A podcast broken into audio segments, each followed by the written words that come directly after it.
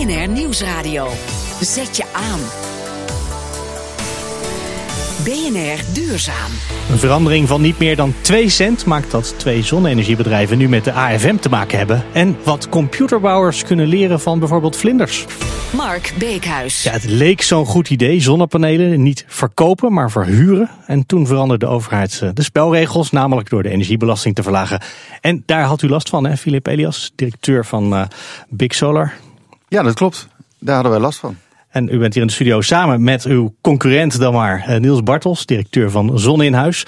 Uh, want u wilde eigenlijk ook zonnepanelen verhuren. Het leek zo'n goed idee. Ja, zeker. Wij hadden er met name last van bij de woningcorporaties, moet ik stellen. De woningcorporaties, wat precies? Ik ga even vragen aan u allebei wat, wat u precies doet, wat het bedrijf is wat er verder achter zit. Want zonnepanelen verhuren, dat klinkt eigenlijk als iets wat iedereen zou kunnen doen. Nou, dat is, uh, dat is niet helemaal waar. Want als u eh, zonne zonnepanelen gaat verhuren, dan uh, ja, is het ook zaak om daar geld voor op te halen. En ook een, nou ja, dat, moet, dat geld moet natuurlijk heel goedkoop zijn, goed gestructureerd zijn. Want uiteindelijk dan kun je heel veel voordeel aan de klant doorgeven. Ja, dus, je, bent eigenlijk een financieel bedrijf dat toevallig zonnepanelen probeert te verhuren? Uh, nou ja, toevallig uh, is het niet helemaal. Want we vinden het natuurlijk heel mooi om duurzame energie beschikbaar te maken voor een uh, breed publiek. En het gaat ook niet alleen om een financieel voordeel, maar ook om een, een stukje comfort dat je de mensen kunt bieden. Ja, en corporaties zijn de grootste klanten of ook consumenten of bedrijven? het afgelopen jaar zijn consumenten voor ons de grootste klanten geweest. En ja, corporaties, daar zijn we mee in gesprek. Maar sinds 1 januari dit jaar nam dat gesprek een andere wending. Oké, en dus even kijken hoe dat dan bij Big Solar zit. Want u, uh, u verhuurt ook, maar vooral aan particulieren in uw geval, geloof ik. Hè? Ja, wij richten ons met name op particulieren. En uh, vorig jaar verhuurden wij inderdaad zonnepanelen aan particulieren. En dit jaar hebben we de verhuurpropositie uh, veranderd. En hebben wij nu een propositie waarbij we eigenlijk de consument de kans bieden om de betaling niet in één keer te doen, maar te spreiden over vrijwel zo lang als iemand wil. Dus dat is eigenlijk een vorm van lease dan? Dat is een soort, een soort lease, maar niet een operational lease, maar meer een financial lease. Oké, en dat heeft alles te maken met die 2 cent die ik net al even noemde. Maar voor we daarin duiken, eerst nog even een klein beetje van hoe groot zijn jullie allebei? Hoeveel klanten, hoeveel uh, vierkante meter zonnepaneel hebben jullie gefinancierd? Wij zijn, eh, vorig jaar zijn we begonnen en we hebben nu enkele honderden installaties op het dak liggen. En hebben in Q4, toen de plannen van het eh, kabinet bekend werden, hebben wij ook teruggeschakeld in onze activiteit. Uh, en zijn zojuist zijn eigenlijk weer begonnen. Ja, maar honderden installaties zijn, dat kunnen natuurlijk honderden individuele paneeltjes zijn. Of dat kunnen honderden voetbalstadions zijn. zijn uh, nee, dat zijn uh, individuele huizen, huishoudens, Huis, particuliere huizen. Het is niet heel groot. En daarna, van daarvan bent u gaan, van niet heel erg groot, bent u gaan terugschalen. Ja, dat klopt. Ja. Dat is eigenlijk niet zo goed nieuws in deze tijd. Dat, dat was dat, uh, zeker niet goed nieuws. Nee. nee dus, hoe zit dat bij Zon in Huis? Nou, Zonnehuis die had eigenlijk al een Engelse dochter. Dus die klanten die tel ik er even bij. Maar dan hebben we er meer dan 500. En in Nederland zijn we sinds het vierde kwartaal vorig jaar actief. En hebben we in iedere provincie al wel tientallen systemen geïnstalleerd. Maar dat is ook nog steeds, het staat in de kinderschoenen. En bent u ook begonnen met terugschalen of is dat toch... Uh... Nee, wij zijn eigenlijk juist weer begonnen met uh, opschalen. Wij hadden de AFM-vergunning al, zodat we ook uh, financial lease aan klanten aan konden bieden. En ja, wij bieden dus via de financial lease niet alleen de zonnepanelen aan inmiddels, maar ook zonneboilers, warmtepompen, isolatiemaatregelen en zelfs een duurzame cv als de klant dat wil. Oké, ja, we hebben zitten al een tijdje. Zo, ik probeerde met een grote boog om het geld heen te praten, maar misschien moeten we toch maar eens even in de diepe dan, zoals Dagobert Duck, hè, in, de, in de centen en de dubbeltjes en de kwartjes. Want wat is er nou veranderd? Er is iets veranderd aan de belasting voor energie. En dat scheelt 2 cent. Maar dat is voor uw bedrijven allebei het verschil tussen of het wel of niet kan. Hè? Uh, om precies te zijn, uh, ik, ik gaf daar net al aan, met name bij woningcorporaties zijn de daken voor zonnepanelen wat kleiner. Hè. Dan heb je het vaak over systemen van 8 of 10 panelen. Voor die installaties is die 2 cent echt kritisch. Uh, dat maakt gewoon het verschil tussen of er wel of niet een voordeel overblijft voor de huurder. Dus voor de eindklant. En ja, door die 2 cent verlaging is er eigenlijk nog maar of een heel klein voordeel of nou ja, helemaal geen voordeel meer. hoe hoog is jullie rendement? Ons rendement, eh, dat, eh, dat hou ik voor mezelf. Maar, uh, maar kan, daar kan natuurlijk makkelijk 2 cent vanaf. daar kan niet makkelijk 2 cent. Daar kan niet makkelijk 2 cent. Want gaan jullie dan in het verlies meteen? Of is het, nou, is het alleen maar, nou ja, dan is het niet meer, dan concurreer je niet meer met kernenergie? Um, nou, je, je gaat sowieso in, in, in het verlies zitten. Hè, want wat u misschien weet is dat ook de energie-investeringsaftrek verdwenen is ruim een jaar geleden. Ik kan u vertellen dat het voor die tijd dat de business case wat lucratiever was. Maar nu ja, is het net genoeg om eigenlijk geld uit de markt te kunnen halen bij energiefondsen die niet hele hoge winstdoelstellingen hebben, zoals u weet. En bij nou ja, andere investeerders die, ja, die graag willen dat Nederland een beetje duurzaam wordt. Ja, en nu zitten we nog met woningcorporaties. Maar zelfs als je rechtstreeks levert, hoeft de woningcorporatie er geen, niks aan over te houden. En jullie zelf willen waarschijnlijk toch uiteindelijk aan de financiële transacties wel iets verdienen. Is 2 cent bij jullie ook het verschil tussen winst of verlies? Nou, we hebben vanaf het klinkt de start, zo weinig, hè? het klinkt heel weinig, maar het is uh, uh, per kilowattuur. En uh, dus je moet het vermenigvuldigen met behoorlijk wat kilowatturen. En we hebben de start van onze business mogelijk te maken, hebben we zoveel mogelijk geprobeerd om alles eigenlijk al terug te geven aan de klant. En zo inderdaad vanaf dag één een voordeel te kunnen bieden. Dus dan is die 2 cent is best wel heel erg kritisch. dus dat heeft behoorlijk wat impact. Ja, ja, maar zouden jullie als je ermee doorgaat eraan failliet gaan? Of is het alleen maar er geen winst? Want ik vind dat maakt nog wel verschil. Ja, dat hangt heel erg af van de, het aantal marketing euro's wat je moet spenderen om een klant te krijgen. En dat is heel veel, want het is geen makkelijke markt. Zeker in het begin van ons eh, bestaan en het begin van deze markt. Je ziet nu steeds meer zonnepanelen, dus dat zal in de toekomst ongetwijfeld minder worden. Uh, maar op dit moment is dat uh, buitengewoon kritisch. Ja, nou wilde de politiek graag dat de energie gewoon de elektriciteit minder belast werd en het gas zwaarder. En dat klonk zo duurzaam. En dan hoor ik van u allebei, nee, maar dit is echt helemaal averechts aan het uitwerken. Nou, de gedachte die is bijzonder duurzaam. Om uh, te zeggen, elektriciteit eh, een beetje naar beneden en gas een beetje omhoog. Uh, maar dan gaat de politiek eraan voorbij. Hè? Dat, dat de zonnepanelen case, zoals we net bespraken, nog niet een hele vette case is. Het is eigenlijk nog een techniek die in de kinderschoenen staat. En die dus dat voordeel nog nodig heeft. En wat er goed aan is om gas duurder te maken, is dat gas natuurlijk het merendeel van de energie energierekening eh, beslaat. Bij een huishouden is dat ongeveer twee derde van de totale energierekening. Dus dat dat een beetje duurder gemaakt wordt. Dat mensen ook na gaan denken over hoe ze eh, op hun gasrekening kunnen besparen. Door bijvoorbeeld warm water duurzaam op te wekken of een huis duurzaam te verwarmen. Nou, dat juichen wij bijzonder toe. En daar nou, spelen we, zoals ik zojuist zei, ook in uh, met een aanbod van warmtepompen en zonneborders. Ja, precies. Want u heeft daar wel weer een truc omheen verzonnen met een ander product wat u heel dicht hier in de buurt, net niet helemaal hetzelfde, maar wel ook toch alsnog kan aanbieden waar wel dan iets mee te verdienen valt? Uh, nou, het is, uh, het is niet eens een truc. Het is gewoon een uh, hele voordelige lening die wij eigenlijk voor een klant uitzoeken en combineren met de beste oplossing voor, voor de woning van de klant. Hè. Dus een heel concreet voorbeeld. Iemand heeft niet zo'n heel groot dak. Nou, dan zijn zonnepanelen niet zo'n goed idee. Maar wel een gezin met vier of vijf personen, misschien twee dochters die vaak douchen. Nou, dan denk je al snel aan een zonneboiler. Hè. Dat is dan heel interessant.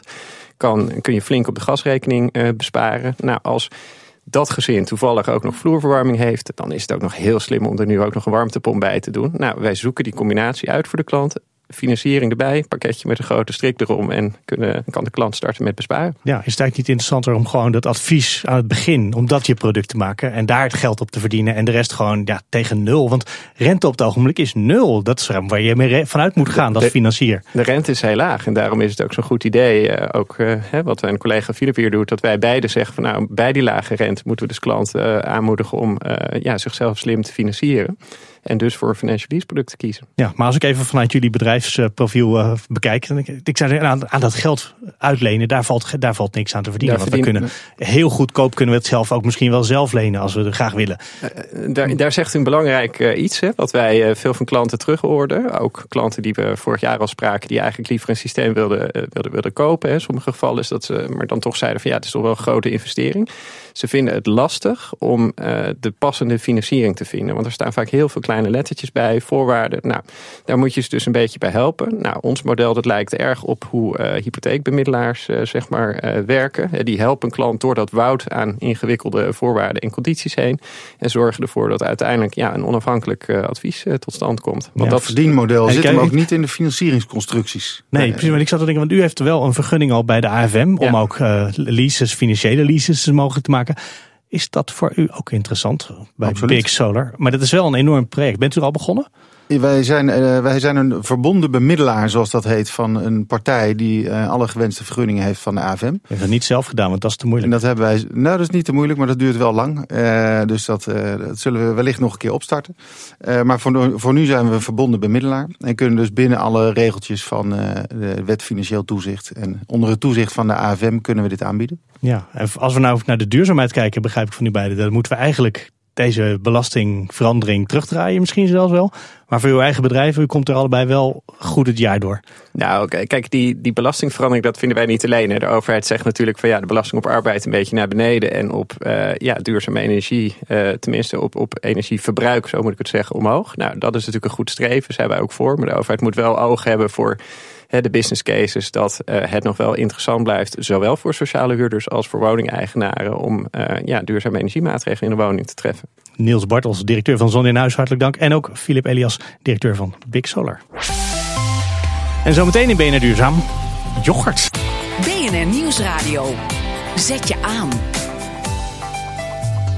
BNR Duurzaam. Steeds meer bedrijven en organisaties passen de principes van biomimicry toe. Dan kijken ze in de natuur af en dan laten ze hun eigen ontwerpen, nieuwe producten inspireren eh, door wat er in de natuur eigenlijk al honderdduizenden jaren bleek te bestaan. En in BNR Duurzaam hebben we het eigenlijk ook al best vaak over gehad in de afgelopen jaren. Maar nu de botanische tuinen in Utrecht, die gaan er zelfs een hele tentoonstelling aan wijden. En verslaggever Elfanie Toulaar, die is daar alvast rondgeleid. Ik loop achter Nick Meidam aan door het oerwoud van de Uithof. Oftewel de tropische kas van de botanische tuin. Wat heeft u in uw hand? Ik heb hier iets eh, in mijn hand over uh, biomimicry, over een plantje dat hier ook groeit in de tropische kas. En dat wil ik even aan jou laten zien. Dat is de grote vlotvaren. En het grappige van dat plantje is, hij heeft hele bijzondere haren. Daarom heb ik dit ook even meegenomen, want dat kunnen we eigenlijk niet met het blote oog zien. We staan hier aan de rand van een uh, keurig vijvertje met hele grote kroosblaadjes. Even naar het water buigen. Oh ja, aan de achterkant is het harig. Ja, aan de achterkant is het harig. en die haren die zijn een beetje gardevormig, zoals je ook op dit plaatje oh, ja, kleine kunt zien. Heel grappig. En binnen in die haren zit lucht, waardoor dat ding uh, goed kan blijven drijven, dat uh, vlotvarentje. Ja? Maar tegelijkertijd zit er een waslaagje aan de punt, waardoor die dus stabiliteit uh, krijgt. En dat hebben we nageaapt, zeg maar. Een plastic coating, die is heel zacht en pluizig. En die is zowel dus plakkend aan het water als heeft een heel groot drijfvermogen. En dat kun je dus bijvoorbeeld op boten of onderzeeërs gebruiken. Zodat ze veel beter door het water glijden en toch een heel goed drijfvermogen hebben. En dat bespaart dus heel veel, want die coating zorgt ervoor dat je minder benzine hoeft te gebruiken. Het zorgt er ook voor dat er minder algen op de, op de boot komen. Dus ook qua schoonmaakkosten is het allemaal veel efficiënter. In deze botanische tuin zijn niet alleen planten, maar ook vlinders. En ook die hebben hele bijzondere eigenschappen waar wij wel wat van kunnen leren. Ja, we staan hier voor een eh, oude verzameling vlinders uit 1900. Dus de kleuren zijn iets wat verbleekt van sommige, maar niet van die hele felle groene en blauwe die je ziet. Prachtig. En dat komt omdat die vlinders niet met pigmenten werken, maar de kleur wordt veroorzaakt door lichtbreking. Irisatie heet dat. Dus door een bepaalde breking van het licht, door de structuur van de vleugels, uh, wordt het blauw weerkaatst en dat zien wij dan. dat kan je bijvoorbeeld gebruiken in beeldschermen van computers of telefoons. Oh ja? Die werken dan met hetzelfde principe. En het leuke is dus, je kent het wel als je in de zon bent met je telefoon of je iPad. Dat is ontzettend onhandig, want het licht valt, je ziet gewoon geen knar. Het leuke is met deze uh, beeldtechniek dat je juist meer ziet. Hoe meer zon erop valt, hoe beter het beeld wordt. Omdat de kleur uh, komt van uh, het licht dat erop valt. Dat weerkaatst namelijk. En het kost dus ook nog eens veel minder energie. Want je hoeft geen batterijen te gebruiken om toch licht te hebben. En dat zei bioloog Nick Meidam in een verslag van Elfanie Toulaar. Van april tot december staat de Utrechtse botanische tuin in het teken van biomimicry. Kortom, leentje buurspelen bij de natuur. Ik praat er in de studio nog even over verder met Bovien Wijfels, bioloog en adviseur voor bedrijven, NGO's, overheden, van alles op het gebied van duurzaamheid zelf ook dit soort eh, monitoren al wel eens van dichtbij gezien? Een monitor waar eigenlijk de reflectie van het licht afgekeken is van vlinders? Ja, dat en nog veel meer voorbeelden is echt fantastisch. Als je kijkt wat, um, wat we zouden kunnen kopiëren uit de natuur. Nou, je zei al, we hebben het er vaak over gehad. Die voorbeelden zijn bekend. Nou, uh, ik wilde toch nog even, want daar zitten zulke. Iedereen die de studio binnenkomt, heeft altijd weer andere voorbeelden. Dus welke vindt u heel erg mooi? Welke vind ik heel erg mooi? Um, een hele bekende is natuurlijk de, die trein in, uh, um, in Japan. Die ze, uh, waar ze last hadden uh, van hoge snelheden door een tunnel gaan. Dan druk je allemaal lucht vooruit en aan het eind van de tunnel klapt dat ja, met een klap eruit. Het is lastig als je in de trein zit, kost energie enzovoort. ze hebben gekeken welk, welke vogel, welk dier gaat nu van een medium van het ene medium naar het andere medium zonder enige weerstand te veroorzaken. En dat is die prachtige ijsvogel, die zonder enige rimpeling uh, het water induikt. Ze hebben de neus van de trein nagemaakt naar model van die snavel. En uh, de problemen met die trein waren opgelost. En ook nog behoorlijk wat energiewinst. Nou, dat is zeg maar biomimicry toegepast in de fysieke wereld. En, dat is ook heel bewust gegaan. Want je hoort ook wel eens in, denk, denk je achteraf, misschien hebben ze daarbij verzonnen. Oh ja, maar dit heb je in de natuur daar en daar ook. Maar dit is ook echt op die manier aangepakt. Dit is echt op die manier aangepakt. Er zijn er meer voorbeelden van. En andere zijn toevallig uh, vliegtuigen. Hè, die hebben steeds vaker een tipje aan de punt van de vleugel. Uh, dat, dat draagt bij aan stabiliteit en ook uh, is wat energiezuiniger. Of ze dat nou rechtstreeks van de natuur hebben afgekeken, weet ik niet. Maar het is wel iets wat uh, roofvogels doen. De tipje van de vleugel. Ja, en dat zijn twee transportvoorbeelden. Zijn er misschien, zouden we in onze kantooromgeving ook al dingen hebben? Nou ja, tafels hebben ze natuurlijk in de natuur niet. Maar dingen die we op die manier aangepakt hebben al. De hele fysieke wereld, het gaat over kleuren, het gaat over technieken. Er zijn uh, andere aandrijfsystemen van boten bedacht. Want er is natuurlijk geen vis die met een soort propelletje door, de door het water gaat. Want je maalt de helft van je ecosysteem uh, ondersteboven. Dus eigenlijk uh, zou je kunnen kijken welke systemen zijn zodanig gemaakt dat ze en voor mij effectief zijn en voor mijn omgeving eh, niet belastend. Daar gaat het eigenlijk over bij biomimicry. Ja, en Sharon Dijksma, onze staatssecretaris, die zei al, er moet een opleiding voor komen. Is dat eigenlijk inmiddels, uh, want dat is al een tijdje geleden, dat is een jaar geleden denk ik, is die er inmiddels? Er zijn verschillende dingen uh, sindsdien uh, gaan en dat is wel erg leuk om te melden. De Universiteit Utrecht, Botanische Tuin, ehm, uh, dat is een mooie, mooie plek, want daar uh, is een, een bachelorsopleiding en komt zelfs een masters. Dat gaat heel erg snel, er is veel belangstelling. Er is inmiddels ook een, uh, een lector aangesteld, een lector aan de Agrarische Hogescholen voor biomimicry. En er is zelfs, merk ik, in het, in het basis- en voortgezet onderwijs alweer belangstelling. Kortom, ja, maar het, voor het, het basisonderwijs snap ik meteen. Maar op die universiteit, is het niet iets wat juist in Delft of in Eindhoven, op een technische universiteit waar je ingenieurs maakt, dat ze het daar als vak of als opleiding zouden moeten hebben? En het is wel grappig dat je dit zegt, want dit is nou precies wat uh, het mooie is aan biomimicry. Uh, wat, wat belangrijk is als je um, patronen en voorbeelden uit de natuur wil toepassen op dagelijkse uitdagingen. En zometeen uh, zal ik er ook wat noemen, organisatieuitdagingen. Ja, dat moet dus snel zijn. Dan, dan uh, gaat het vooral over uh, dat, je, dat je met verschillende disciplines aan tafel zit. Dus biologie, economie, sociale wetenschappen, techniek. Daar gaat het juist om. En, ik hoop en wat, hoe, hoe doe je dat dan in, in de ecosystemen noemde u geloof ik al bijna, met ja, al die mensen die zo om tafel zitten. De voorbeelden die uh, regelmatig voorbij komen uh, zijn de voorbeelden uit de fysieke wereld. Hè, botanische tuin, een plant. Maar wat kunnen we ook leren van planten? Planten reageren heel goed en snel op veranderingen in de omgeving. Ze, weet, ze reageren zo gauw het lente wordt. Nou, dat zien we nu buiten. Ze reageren zo gauw het droog wordt. Gaan de blaadjes hangen. Ze, ze bomen laten bladeren vallen. En dat is gebaseerd op hele simpele feedback loops. Hele simpele connecties met de omgeving. Heel goed ik denk dat uh, bedrijven heel veel kunnen leren van die feedback loops. En dat is zijn modeketens die dat kunnen leren. Dat zijn uh, de heren uh, de, die met zonnepanelen bezig zijn. Als je snelle feedback loops met je klanten hebt, kun je veel sneller en wendbaarder, veel agile reageren. En dat is van belang in deze veranderende samenleving. Ik heb vandaag allemaal woorden gehoord in deze uitzending die nog nooit in BNR Duurzaam gezegd zijn. Agile en eerder ook al een paar financiële termen. Ik ga u hartelijk danken. Bovien Wijfels, bioloog en bedrijfsadviseur. De minuut van. Sojayoghurt is van alle soorten yoghurt het minst schadelijk voor milieu en dierenwelzijn. En die bewering die komt van natuur en milieu. Leggen we vandaag onder de loep in de minuut van de waarheid. Dat sojayoghurt het beste scoort staat in een ranglijst. De yoghurt ranking. Je zou niet verzinnen dat die bestaat, maar hij bestaat echt van natuur en milieu. De factchecker van dienst is vandaag Tini van Boekel, hoogleraar voedseltechnologie aan de Wageningen Universiteit. Meneer van Boekel, nou, alle yoghurtsoorten, behalve de sojayoghurt, die scoren tussen de 6,5 en de 5,2. Maar sojayoghurt die scoort dan een 9,5. Zou het waar kunnen zijn?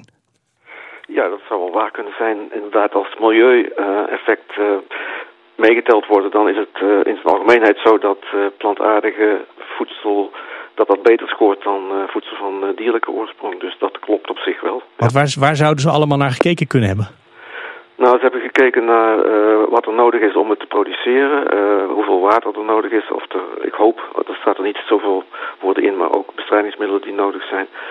Ehm, en voor de dierensoort hebben ze dus dierenwelzijn meegenomen. Maar het is nogal logisch dat dat voor planten niet, een, uh, niet meetelt. Voor dus planten is het dierenwelzijn eh, eigenlijk altijd goed geregeld, wou je ja, dat is uh, nogal logisch, ja. Um, dus op zich klopt het denk ik wel. het enige wat ik als kanttekening zou willen maken is dat men niet gekeken heeft naar de voedingswaarde van de producten. En um, die zou je denk ik eigenlijk ook mee moeten tellen. Je kunt wel zeggen dat sojayoghurt het beste is qua milieu, maar dat is het denk ik niet helemaal qua voedingswaarde. En dat... Per liter klopt het dan wel, maar per voedingseenheid niet? Ja, dat, dat denk ik wel. Dus je moet veel meer sojayoghurt eten dan gewone yoghurt? Nou, veel meer weet ik niet, maar ik denk wel dat je bijvoorbeeld calcium, dat zit er nauwelijks in het sojayoghurt en dat zit wel in uh, yoghurt van koelmelk en geitenmelk. En uh, daar zou je dus, dat zou je dus uit andere producten moeten halen. Ja, dus dan moeten we eigenlijk de vergelijking toch weer een beetje opnieuw maken? Ja, je zou het, uh, en dat is ook wel gedaan voor, voor melkproducten, dat je ook, wat dan heet de nutriëntendichtheid, dus wat er aan voedingsstoffen in zit, dat je dat ook meetelt. En dan komt er misschien een, een ander cijfer uit. Hoewel ik denk dat het feit dat het van plantaardige oorsprong is, toch wel heel sterk meetelt in, het, in de score voor milieu. En de score van rond de 6 naar, nou in elk geval meer dan een 9, daar mag nog wel wat vanaf. Dus wat denk, ja. komen we misschien sowieso toch wel uit op dat deze stelling helemaal waar is? Ik denk wel dat het redelijk klopt, ja. ja dat is mooi. Helemaal waar. Dank Tini van Boekel, hoogleraar voedseltechnologie aan de Wageningen Universiteit.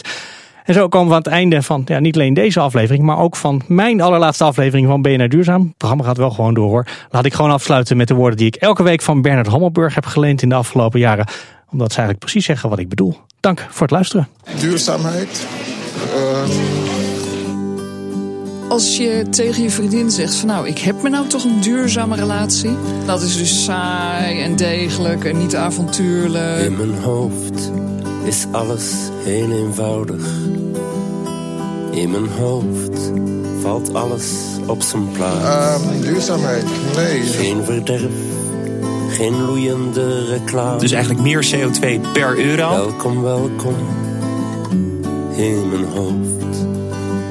En je vriendin uh, met een eindeloze relatie, zou dat opwindend klinken?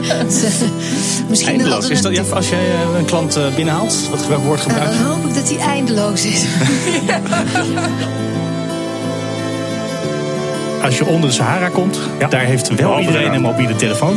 Ja. Maar niet iedereen de mogelijkheid om die telefoon op te laden. Nee. Overdag is er de verwarring. Ook olie? Ook olie, kolen. Ja. Overdag loopt het spoorvlucht dood.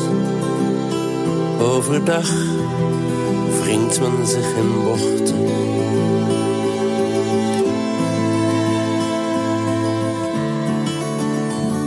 Er is water voor wie echt wil drinken. Er is werk, dat werd ons toch beloofd.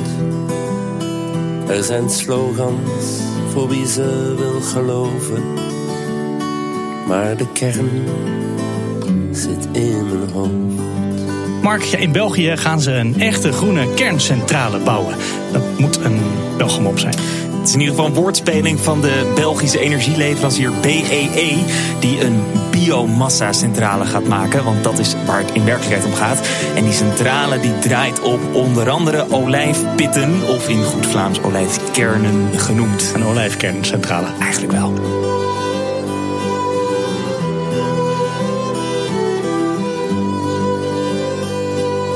Het dierenwelzijn gaat in het geval van de kip van morgen slechts marginaal omhoog. Die uitspraak gaan we nu checken. Wat zijn de belangrijkste argumenten voor en tegen? Goedemiddag. Nou ja, de, de, ik heb het nog helemaal niet onderzocht. In mijn hoofd zijn geen misverstanden. In mijn hoofd blijft alles ongedeerd. In balans, onuitgesproken